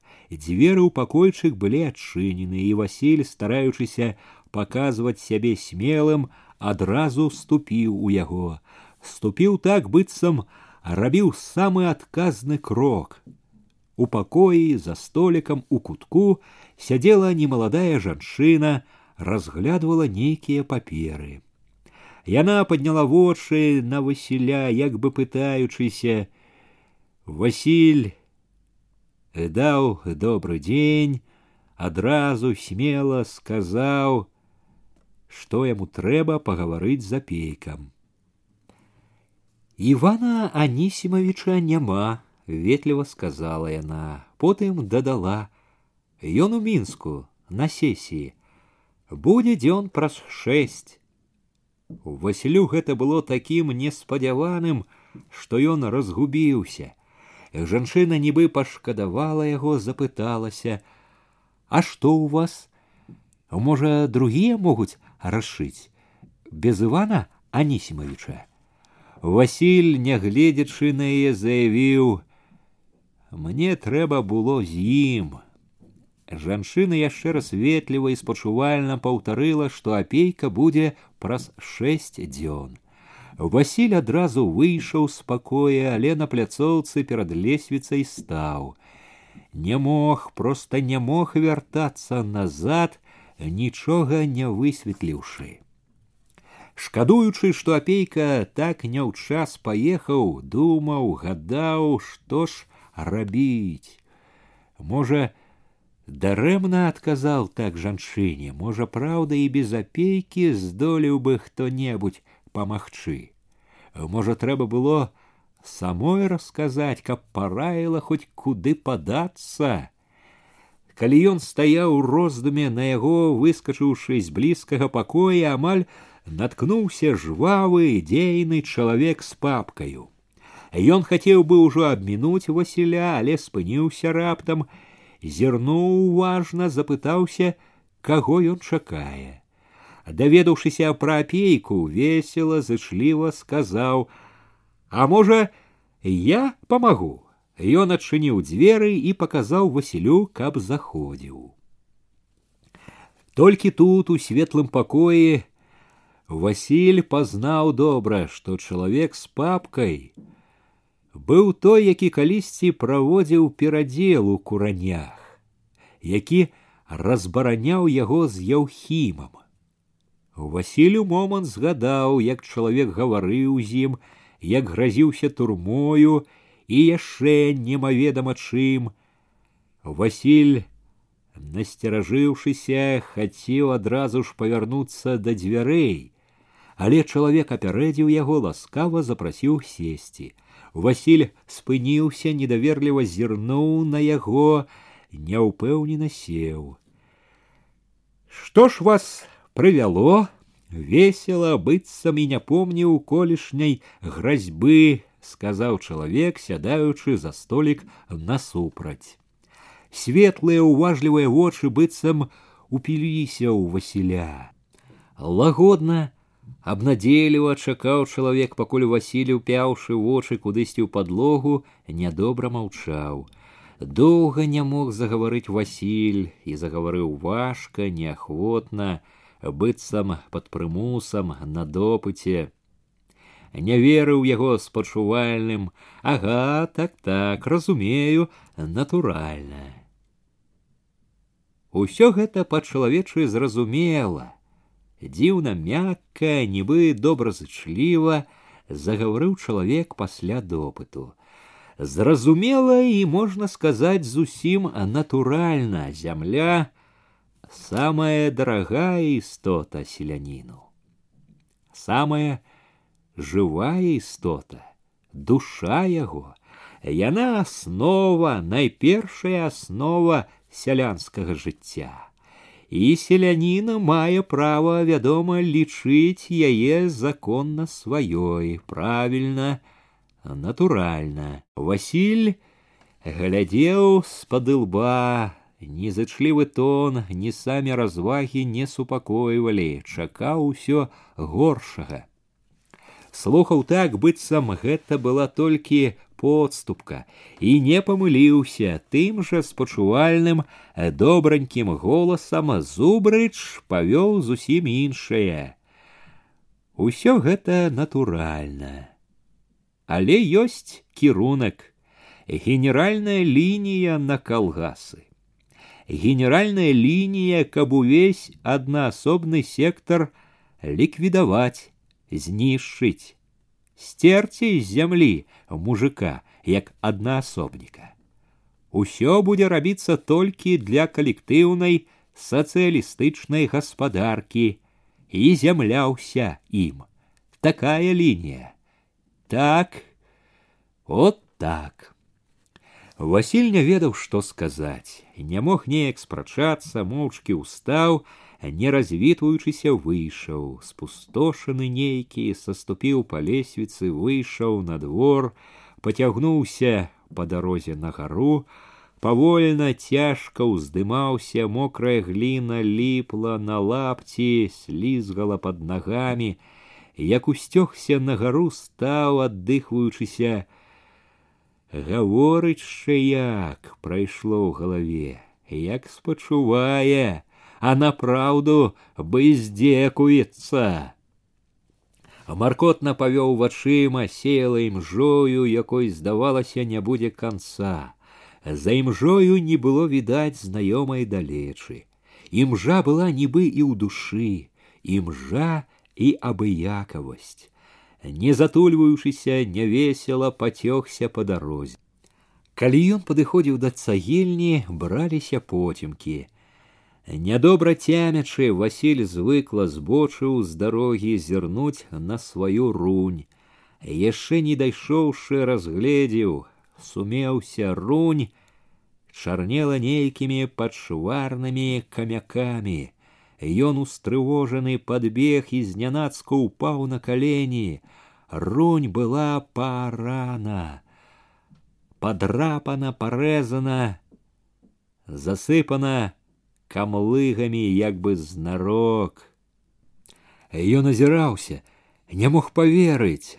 Разарана было ўсё, усё было загублена, усё было кончана слотным с холодными подыхами днем у хоневу хату увайшла смерть маці померла блізка да змяркання ціха без слова калі старэйшая сястрычка верка разгубленная позвала хоню з гумна ляжала матка на палацях бы жывая нібы толькі заснула на твары свяцілася невядомая радасць. З той жа незразумелай спакойнай радасцю ляжала яна на лаўцы пад абразамі ў прыціхлай без заўсёднага галасу хаце, у якую адзін за адным сунуліся куранёўцы цікаўныя, уважлівыя, спалоханыя. Найчасцей яны неўзабаве сыходзілі, адны проста спатоліўшы цікаўнасць другія як бы выканаўшы неадменны нялёгкі абавязак нямала было і такіх што тоўпіліся гаманілі ціха народу ў хаце таўклося даволі часу вольнага цяпер хапала Сярод усіх толькі некалькі старых жанок, сябровак, якія помнілі матку такой жа рухавай і вясёла, як хоня, гаравалі шчыра, шапталіся жаліва, выціралі ражкамі хустак чырвоныя ад непрытворных слёз вочы. Усім абрадам кіравала незвычайна ціхая, важная сорока. Хоню не трэба было зваць яе. Яна сама прыйшла яшчэ да таго, як Хоня падумаў пра новыя неспадзяваныя клопаты. Прыйшла, пачала хадзіць паволі, упэўнена, гаварыць з хонем, як бы Богам самім прысланая. Прыгнечаны, прыціхлы Хоня ні на момант не працівіўся гэтай няпрошанай апецы паслухмяна рабіў усё што яна раіла што загадвала сам ішоў раіцца з ёй. Амаль увесь час у хаце была хадоська якая першы раз прыбегла яшчэ пад вечар глядзела на матку нема з жахам і вінаватасцю Цяпер яна плакала час ад часу, памагала сароцы, песціла, супакойвала дзяцей, што ціснуліся ці на палацях, ці на печы.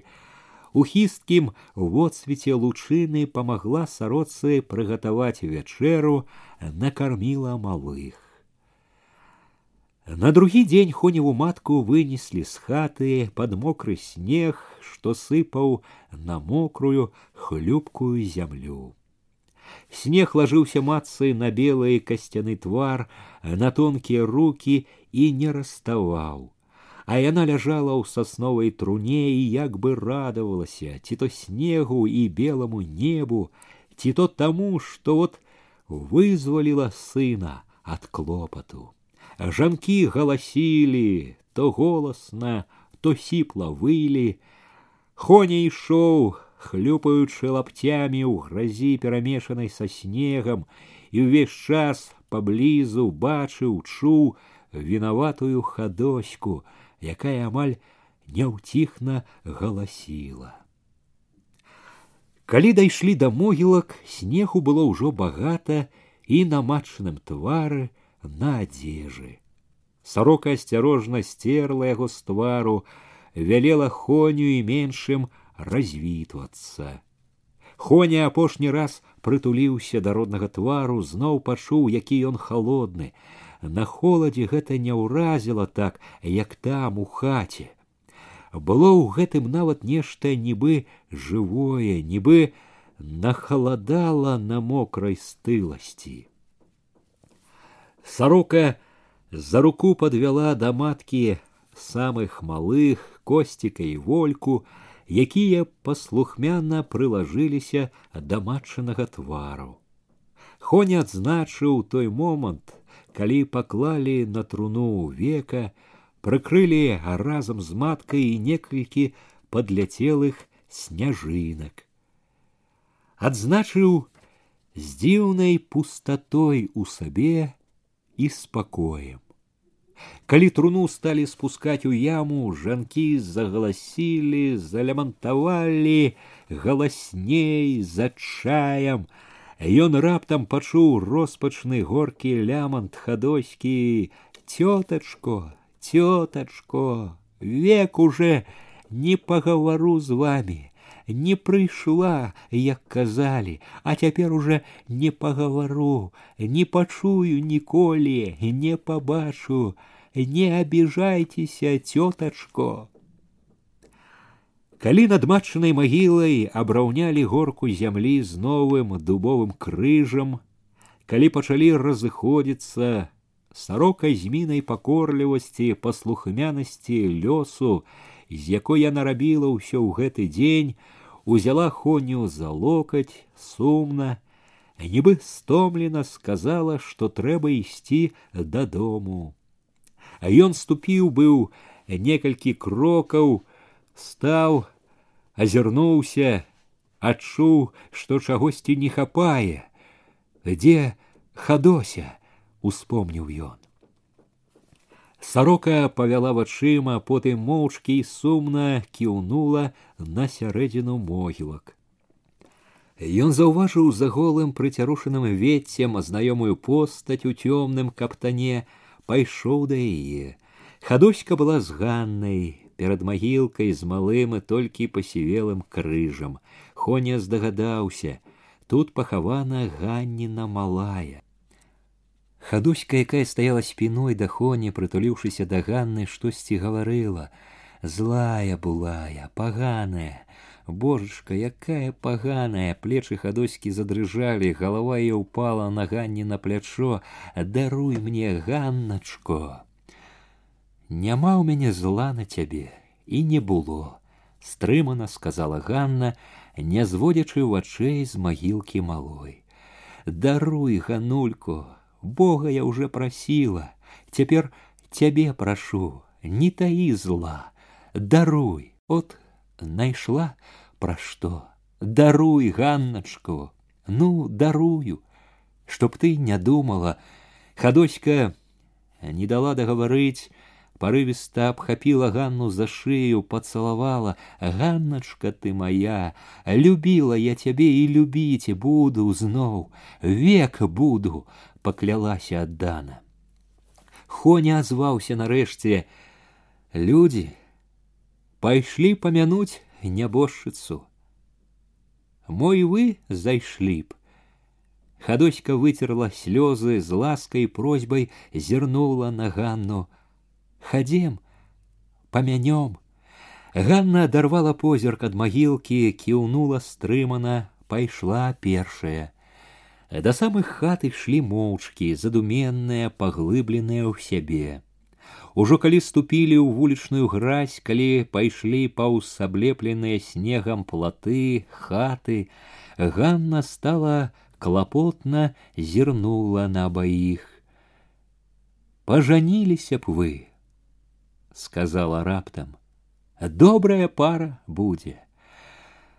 Да я хіба проціў, просто адказаў Хоня, я даўно гаварыў ёй, дак цягне, невядома чаго бацько баится бацько не хоча от найшлі час попракнула хадоська абветраны роцік быў строга сціснуты вочы глядзелі кудысьці далёка цвёрда а чаму не час як глыбокая выпакутаваная ганна сказала ціха спакойна жывым пра жывое думаць матка нябожчыца сама хацела кеп пажаніліся адгукнуўся хоня на памінках булькала самагонка з пляшак у карцы і чаркі усе хто прыйшоў пілі і елі ў ахвоту чым больш пілі і елі тым болей голасна гаманілі шумелі старыя дзядзькі і жанкі успаміналі якая яна была порсткая ды вясёлая хонева матка замаладу якая спрытная ды жылаватая ў працы бывала як выйдуць у поле з сярпамі ніхто не перагоніць з ранішняга цямна да вячэрняга магла не выпускаць сярпа не разгінацца і ў кампаніі нязломак была і паспяваць і паскакаць і пасмяяцца на ўсё спраўная была і як хоніў бацька памёр не апала духам з такою араваю на руках шчаравала весела пакуль не ўвалілася ў тую сцюдзёную ваду на балоце не застудилася так, что скоро и устать не могла. І хоню хвалілі таксама малайчына у матку ўдаўся, не сагнуўся ў бядзе, глядзеў старую, кожны сын няхай бы так глядзеў. Хто ніхто раю хоню абзаводзіцца гаспадыняй, ківаў на хадоську, але хоня ўсё зводзіў гаворку на іншае. Маўкліва сядзелі, можа толькі адны хадоська і ганна хоня падліваў ім папракаў што п'юць мала ганна трохі піла хадоська толькі прыгублівала чарку абедзве сядзелі задуменныя строгія У хадоські час ад часу жаліва моргалі вочы, гатова была, здавалася, заплакаць, але яна стрымлівалася. Боль за ўсіх шумела цяпер мусіць сарока. Сп'янелая хадзіла яна вакол стола, падавала яду, падлівала гарэлку ўжо без якой-небудзь паважнасці, гаварыла амаль без упынку голасна і складна, чтоб ёй нябожчыцы легко было на тым свеце, чтоб жылі і радуваліся дзеці, кеб у нашага хоні жизня была ў багацці ў звоні. У бязладны п'яны гоман уплятаў сіплы галасок старых глушак, таксама салавелы, гаманлівы. Сарока ўсё падлівала і падлівала яму і расстарэквала найбольш з ім. Відаць, яна і запрасіла старога. Хоць магло быць і так, што глушак прыйшоў і сам. Хоня стараўся не глядзець на яго. Ніхто не мог прагнаць таго, хто прыйшоў на памінкі, не было ні ў каго такога права, і тым больш што глушак таксама хваліў матку і хоню хваліў. Ганна пайшла сярод першых, а хадоська засталася, перачакала ўсіх. У пацішэлай, спусцелай хаце, а разам з сарокай прыбрала посуд са сталоў, падмяла хату, а ласкавым словам суцешыла малых. Калі надзела каптан, каб ісці дамоў, хоня таксама накінуў світу на плечы, выйшаў след у мокрую цемру двара, каля варот узяў за непаслухмяныя руки, затрымаў. Дзеці як да цябе, як да сваёй, хацеў прытуліць, але яна лагодна і цвёрдла уперлася рукой, ён не стаў дабівацца. Помаўчаў, тихо запытаўся можа ўсё таки надумайся от найшоў калі матка ж сама хацела яна не пярэчыла хоня зноў узяў яе за руки ганна і это праўду казала жывым не кажы яна адабрала руки і хутка рашуча пайшла ў цемру праз дзень у самай сняданак у хоне ў хату ўварваўся нібыта ігнат Дети завихаліся за столом вакол паліванай місы з крупнікам, Хоня зычліва пазваў хадойшанага бацьку, пільна і насцярожана прыглядваючыся. Той, не пазіраючы на хоню, штосьці нелагодна буркнуў, кінуў па хаце неспакойным злым позіркам, сеў на лаўку. Нядоўга уседзеў, ускочыў, ступіў да хоні момант не мог гаварыць ты чаго ж я та круціш голову дзіцяці хоня палажыў лыжку таксама ўстаў у яе свая галава бачай нібыто разумны які падабраўся к дзеўцы дай дурыць ей голову я не дуру дядько я уже казаў, что я сур'ёзно.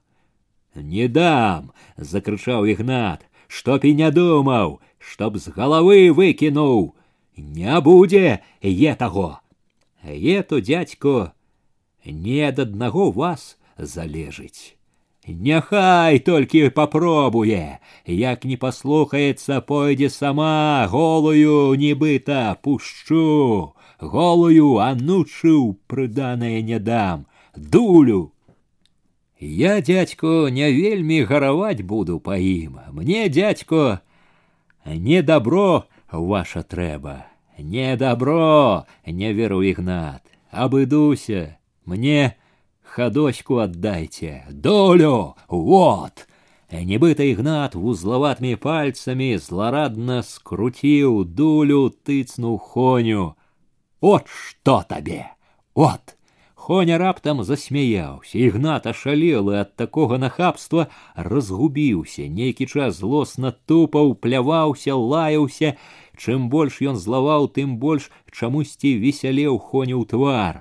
Дулю крыкнуў ягнат, раз'ятраны дарэшты яго весялосцю ён грымнуў дзвярыма так што на стале падскочыла міска Ледь сціхлі за ганкам гнеўныя крокі хоню ўзяло шкадаванне, што гаварыў так задзірыста. Ні на што было яму цяпер гэта злаваць хадошчынага бацьку. Канешне, ён хоня не знарок гэта, але ж можна было і пацярпець трохі, падобрыцца для сваёй і хадошчынай карысці. Дык не ж, сам полез на ражон. Хоня затрывожыўся. Цяпер бацька яшчэ больш уз'есца на хадоську, і што будзе, калі хадоська паддасца, Чым далей, тым трывожней станавілася хоню. Увесь дзень ён з хаты з хлява з павеці выглядваў, хацеў убачыць постаць у каптанчыку, хадоські ўсё не было. Хоня знарок рабіў у хаце на двары, каб раптам не прапусціць яе. Да ўсяго можаш быць і такое, што яна не захоча заходзіць у хату. Некалькі разоў ён выходзіў за вароты на вуліцу, глядзеў ці не ідзе. Яе не было. Сярод дня хоня не вытрымаў, падаўся да хадошчанай хаты ледь падышоў з хаты быццам знарок вылез бацька. Хоня знянацку вінавата і прымірэнша прывітаўся, але той толькі гнеўна зіркнуў, палічыў як бы за насмешку. Адразу ж адвярнуўся з вядром у руцэ, пакіраваў сваёй дарогай да хлява. Пад вечар Хоня зноў падступіў да хадошчынай хаты, убачыў за акном хадочку узрадаваўся такая ўдача знакамі попрасіў каб выйшла яна не ўзрадавалася нават недовольна подціснула губы адвяла невясёлыя вочы цвёрда покруціла галавой каб не чакаў адвярнулася яна прыйшла на наступны дзень сама хоня узрадаваны кінуўся насустрач адчыніў дзверы не ведаў дзе пасадзіць попрасіў каб распранулася а яна покруціла галавой не стала распранацца не села лагодна пагладзіла па галаве вольку што злезла з печы як кацяня прытулілася да яе схонем была строгая сур'ёзная А ён не хацеў зважаць на гэта, упэўнены, што ўраз адгоніць яе сум, ласкава ўзяў за руки, яна нахмурылася, адабрала руки, не трэба. Чаго ты такая? Адвяла вочы, таіла нешта. Чаго? подумала, нягледзячы на яго сказала: « Бацько не хоча. Не і не ўсё адно. Дак што як не хоча, не з ім жыць. Прыданае кажа, не дасць. Няхай не дае сваё нажывём. Благословення не дае, дасць, не цяпер, дак потом. Зірнула строга цвёрда, было відаць зараз важнае скажа. Толькі вочы патрабавалі як неадменнага, што па-людску, у царкве. Ён узрадаваўся, перш за ўсё ухапіў галоўнае згодна, хацеў абняць, але яна ўперлася рукою, не падпусціла, па-людску ўсё будзе. Па-людску хітравата перайначыў, ці ў царкве, ці ў сельсавеце, у царкве перапыніла яна, і што б са свяшчэннікам. Можна было б і ў царкве, і са свяшчэннікам. Хоня, паказваючы, што ён гатовы на ўсё дзеля яе, як бы прасіў, каб яна таксама лічылася з ім. Э толькі ж не можна мне, не дазволено. Я ж камсамолец. Да яе нібы не дайшло. Усё адно прамовіла ціха, чтоб у царкве не можна мне, разумееш, Яна не глянула на яго, Хоня ўбачыў ніякай літасці ў гэтым не даб'ецца ў яе. Тады не будзе нічога. Яна момант пачакала, потым паправіла хустку, сабралася ісці.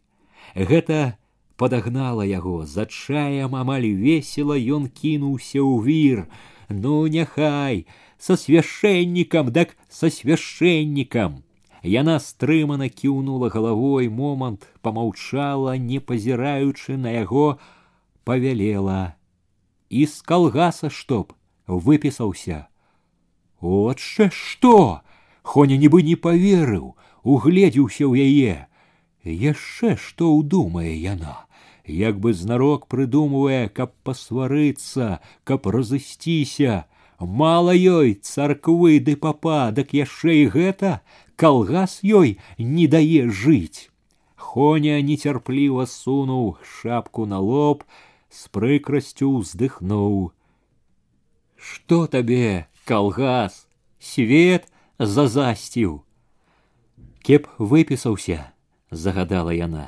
хоня стрымліваючы прыкрасць стаў угаворваць калгас то ўся надзея іх шчасце ўсё маладым здаровым ім радасць адна рабіць жыць у дружнай грамадзе ды і то павінна б ведаць ён у калгасе адзін з першых з міканорам разам аладзіў не можаш ён кінуць усё здрадзіць лічы горача ад душы даводзіў але хадоська разумець нічога не хацела чтоб выпісаўся ціха строга паўтарыла і кеп забраў усё назад дак не аддадуць цяпер паспрабаваў ён зайсці з другога боку скажы што паддалі аге скажы паслухаюць дак сам возьми у тюрьму посадять не посадять за свое э,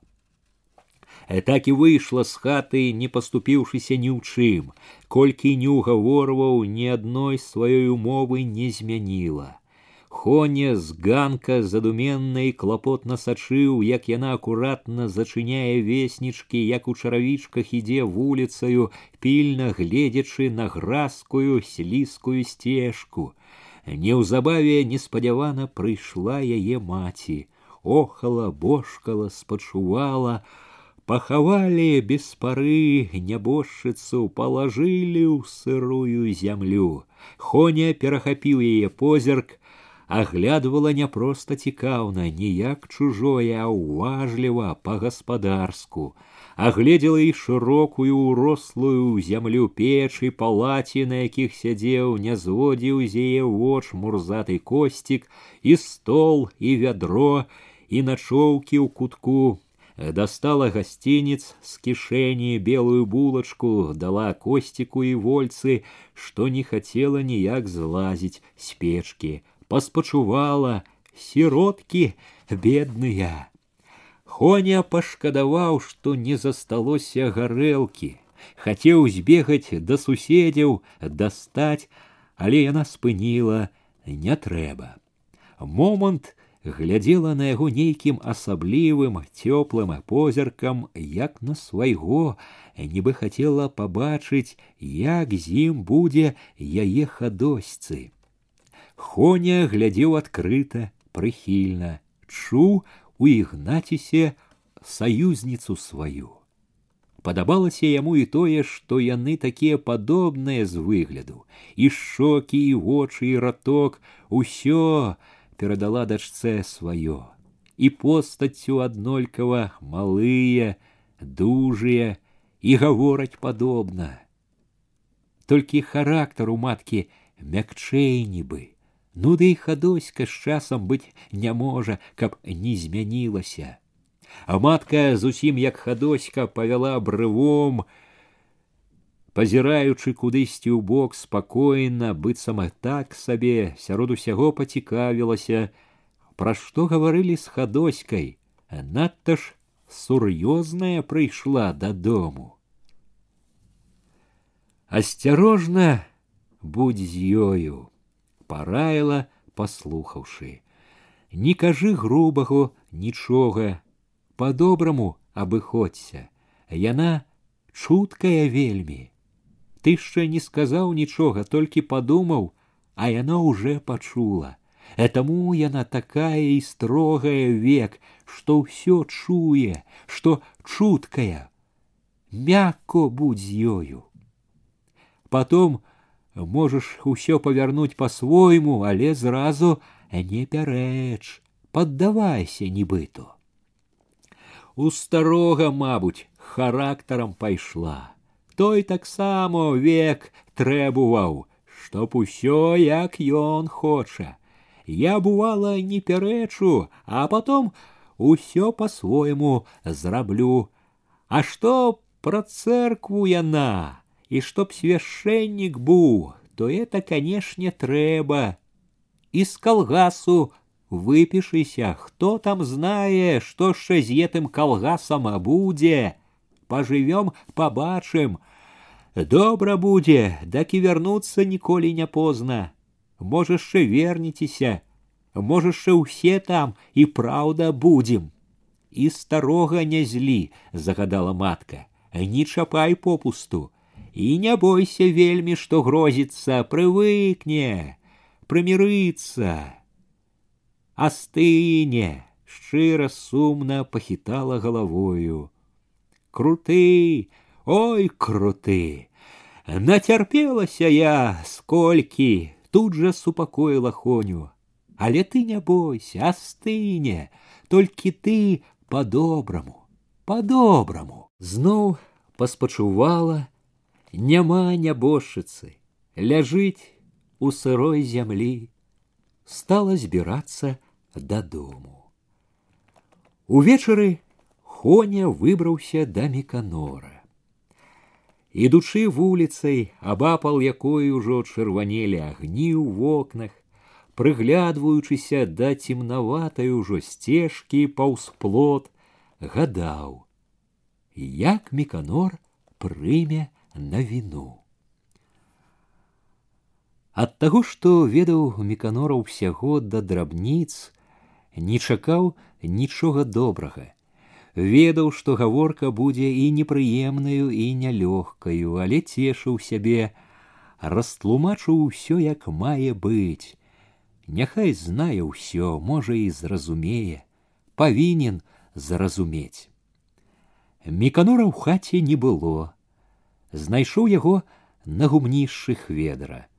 Кончыўшы малаціць мужчыны, накінуўшы світы на плечы, гаманілі, Меканор сказаў, што трэба паставіць напраўленні, дзе будаваць калгасны двор. Пора кончыць непарадак. Калгаснае добро раскідана па ўсім сяле. Андрэй руды згаджаўся, пора калгас таму і завецца калгасам, што ўсё ў адным масіве. Хведар пярэчыў: трэба найперш з тым, што не можа чакаць, управіцца. Хоня маўчаў, яму здавалася, пасля таго, што ён надумаўся, ён і права ніякага не мае ўмешвацца ў калгаснае. Моўчкі ішоў ён і з міканорам. Ужо як ішлі міканоравым агародам к двару, рашыў гаварыць тут, без сведак. У хаце міканорова матка, бацька, не пагаворыш адзін на адзін. Пастой, попросіў пагаварыць хочу меканор стаў але хоня момант не мог гаварыць адчайна знарок бесклапотна аб'явіў от жанюся с хадоськаю нібы насцеражыўся меканор с хадоськаю месяц перабуду а тады не будзе ў куранях яшчэ аднаго халасцяка Што ж, ад етага зла мала хто ўберажэцца. Міканор нібы таксама жартаваў, але стрымана клопатна. Дело живое, дай камандзіра трэба ў хату, не сакрэт. Трэба. А як яна зноў пачуў хоня пільную ўвагу, Ды што яна? Згодна, а раптам кінуўся ў вір. Да от толькі трэбуе, чтоб у царкве і з папом. Я падумаў, што патрэбуе чаго-небудзь, нібы пахваліўся сваёй здагадлівасцю міканор, падумаў, параіў. Калі ўжо ета, так канешне, што хадося, дак ты патребуй, чтоб усё по-твойму. Я пробовал. Только так, а не так скажи, вот тебе хамут и дуга, только так, калі уже так прысох да яе. Пробував, дак нічога не выйшла ў мяне. Хоня як бы паскардзіўся шчыра, вінавата. Здаецца, брат такая мяккая, чуць якое гора ў каго ў слёзы.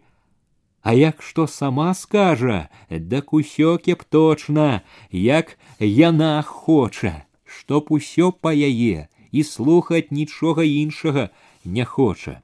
Усё, чтоб як яна трэбуе, а недак зразу паварочвае аглоблі. От, брат, шчасце на маю голову. Дак ты што ж, рашыў, як яна хоча, не мог поверыць меканор. А что ж зробіш? Да ты что? Ты даешь отчет, что это будет? Комсомолец. У царкве с попом. И это ж дёгаць на ўвесь сельсавет, на ўсіх камсамольцаў. Ты можаш падумаць, які вывод зробіць народ з усяго.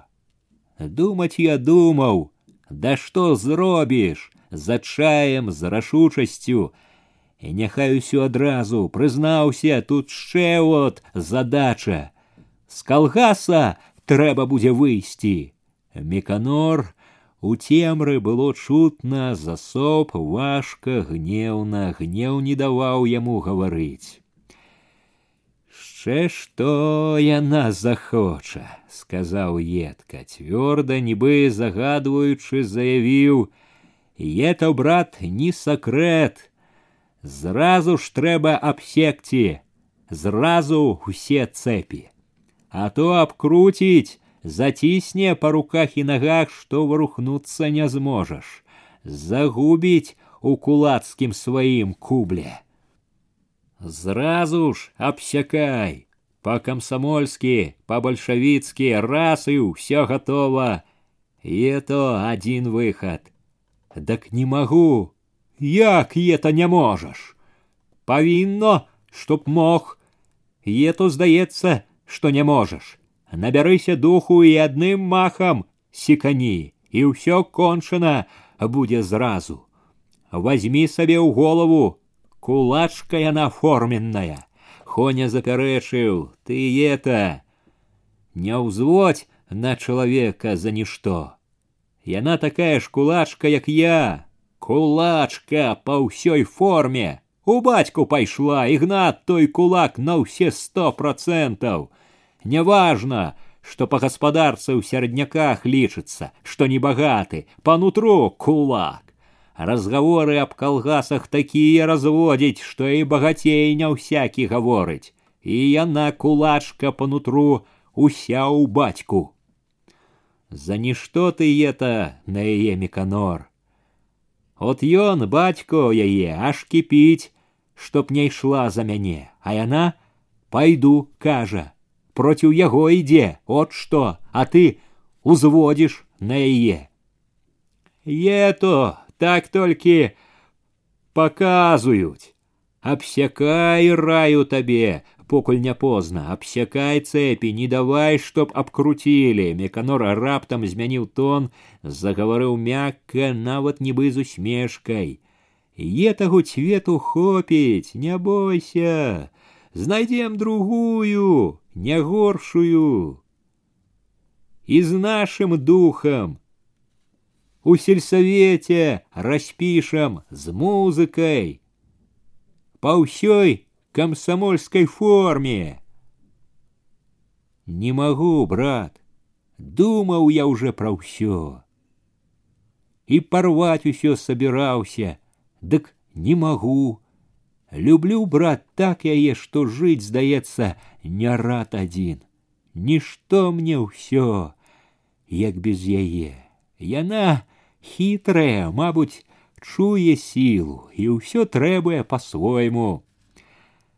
Я тебе хартон, заговорил Міканор ужо інакш, без знаку якой-небудзь таварыскай паблажлівасці. Папярэджую, як таварыш і як партіец. У яго голасе хоню пачулася прытоеная неабыякая пагроза, але хоню ўжо нічога не магло стрымаць. Не магу я, сказаў шчыра і рашуча, люблю, кажу. Падумаў, што меканор разумець нічога не хоча, але страх не сціх. Няхай хоць што ён выкажацца до конца, усё выкладзе. Люблю, а што яна кулачка, то ты не ўзводь дарэмно, я это не горш знаю, хто яна.